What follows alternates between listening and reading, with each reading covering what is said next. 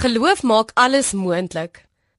Die Afrika Impala kan 7 meter hoog en 20 meter ver spring. En tog kan hierdie pragtige dier in 'n kampie gehou word met 'n muur van 3 meter. Die diere kan nie spring as hulle nie kan sien waar hulle voete sal grondvat nie. Hoeveel van ons perk onsself in 'n hok in waar vrees ons in hierdie lokval hou? Hebreërs 11 leer ons dan so goed Om te glo is om seker te wees van die dinge wat ons hoop. Om oortuig te wees van die dinge wat ons nie sien nie.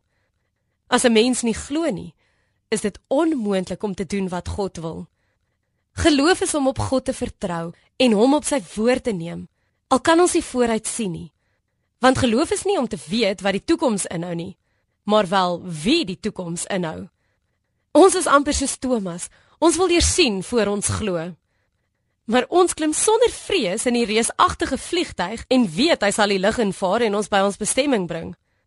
Ons glo aan banke, aan koerante en die posdiens en treine wat ons veilig tuis bring, telefone waarmee ons ons kinders en kleinkinders oor see kan bereik. Ons ry sonder ondersoek oor brûe in ons harte oortuig daarvan dat die brug nie onder ons sal insak nie. Maar net sodra dit by God kom, het ons 'n probleem met ons geloof.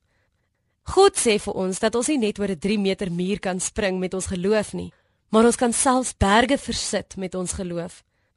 Alles wat vir ons onmoontlik lyk, is moontlik vir God. Jesus gee amper vir ons 'n oop uitnodiging om hierdie krag te gebruik wat tot ons beskikking is deur geloof. Hy sê in Markus 11: "Julle moet geloof in God hê.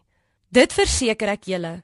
Elkeen wat vir hierdie berg sê, lig jou op en val in die see, en daarby nie in sy hart twyfel nie, maar glo dat dit wat hy sê gebeur, vir hom sal dit gebeur. Mag jou geloof jou help om nie ingeperk te bly in 'n hok soos 'n rooibok nie, maar mag jou geloof jou help om oor daai 3 meter muur te spring, al weet jy nie wat's aan die ander kant nie. Mag jy deur jou geloof ontdek dat alles is vir God moontlik.